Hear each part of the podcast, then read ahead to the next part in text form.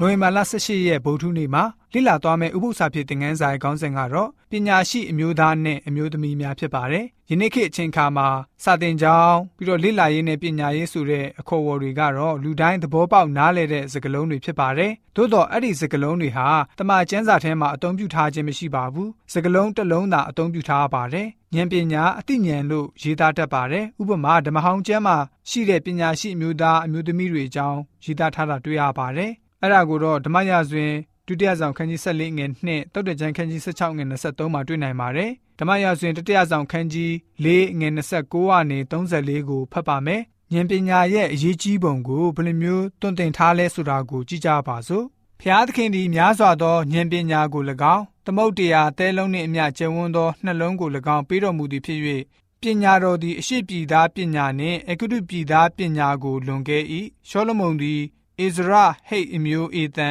မဟောလသားဟေမန်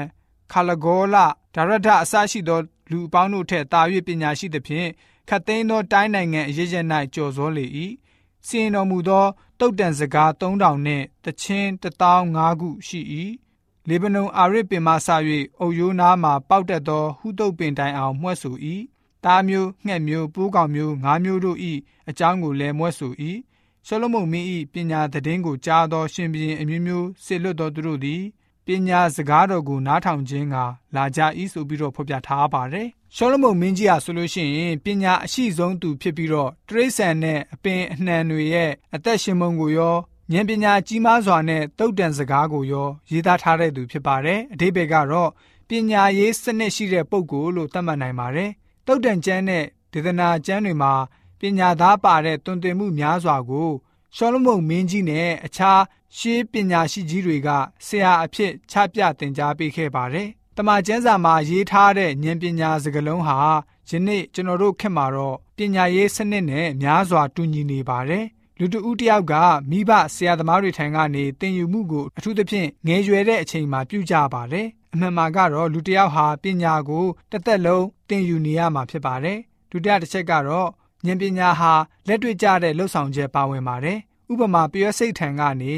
နှွေချိန်မှာအစာစုဆောင်ပြီးတော့စောင်းကာလအတွက်ပြင်ဆင်ခြင်းမျိုးကိုသင်ယူဖို့ဖြစ်ပါတယ်။ဉာဏ်ပညာဟာလက်တွေ့ပြုလုပ်ဖို့တသက်မဟုတ်သေးပါဘူး။စာတွေ့မှန်ကန်မှုအတွက်လေ့လာဖို့လည်းပဲလိုပါသေးတယ်။ဖျားသခင်ကိုယုံကြည်ခြင်းကနေစတင်ပြီးတော့ပြည့်ညက်ချက်တွေကိုလိုက်လျှောက်အသက်ရှင်ခြင်းမျိုးဖြစ်ပါတယ်။ဉာဏ်ရှိခြင်းသဘောဟာ ကျွန်တော်တို့မှာတာဝန်သိတတ်မှုနဲ့တပားသူအတွက်အကျိုးရှိစေဖို့အသက်ရှင်စေပါတယ်။မကားမှုဒုစရိုက်အပေါင်းကနေလည်းပဲကျွန်တော်တို့ကိုကာကွယ်ပေးပါတယ်။နောက်ဆုံးမှာတော့ယနေ့ပညာရေးစနစ်နီးတူဉာဏ်ပညာရှိခြင်းဆိုတာကမေးလာသမျှမေးခွန်းကို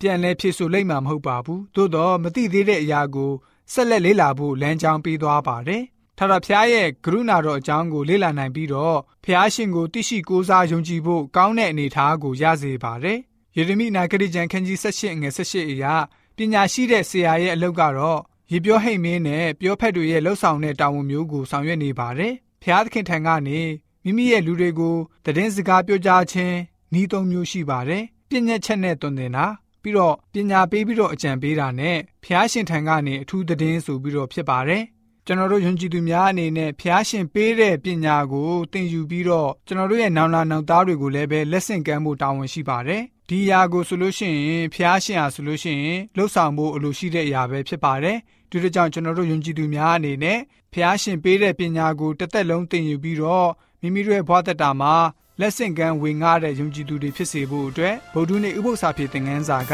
ဖော်ပြထားပါတယ်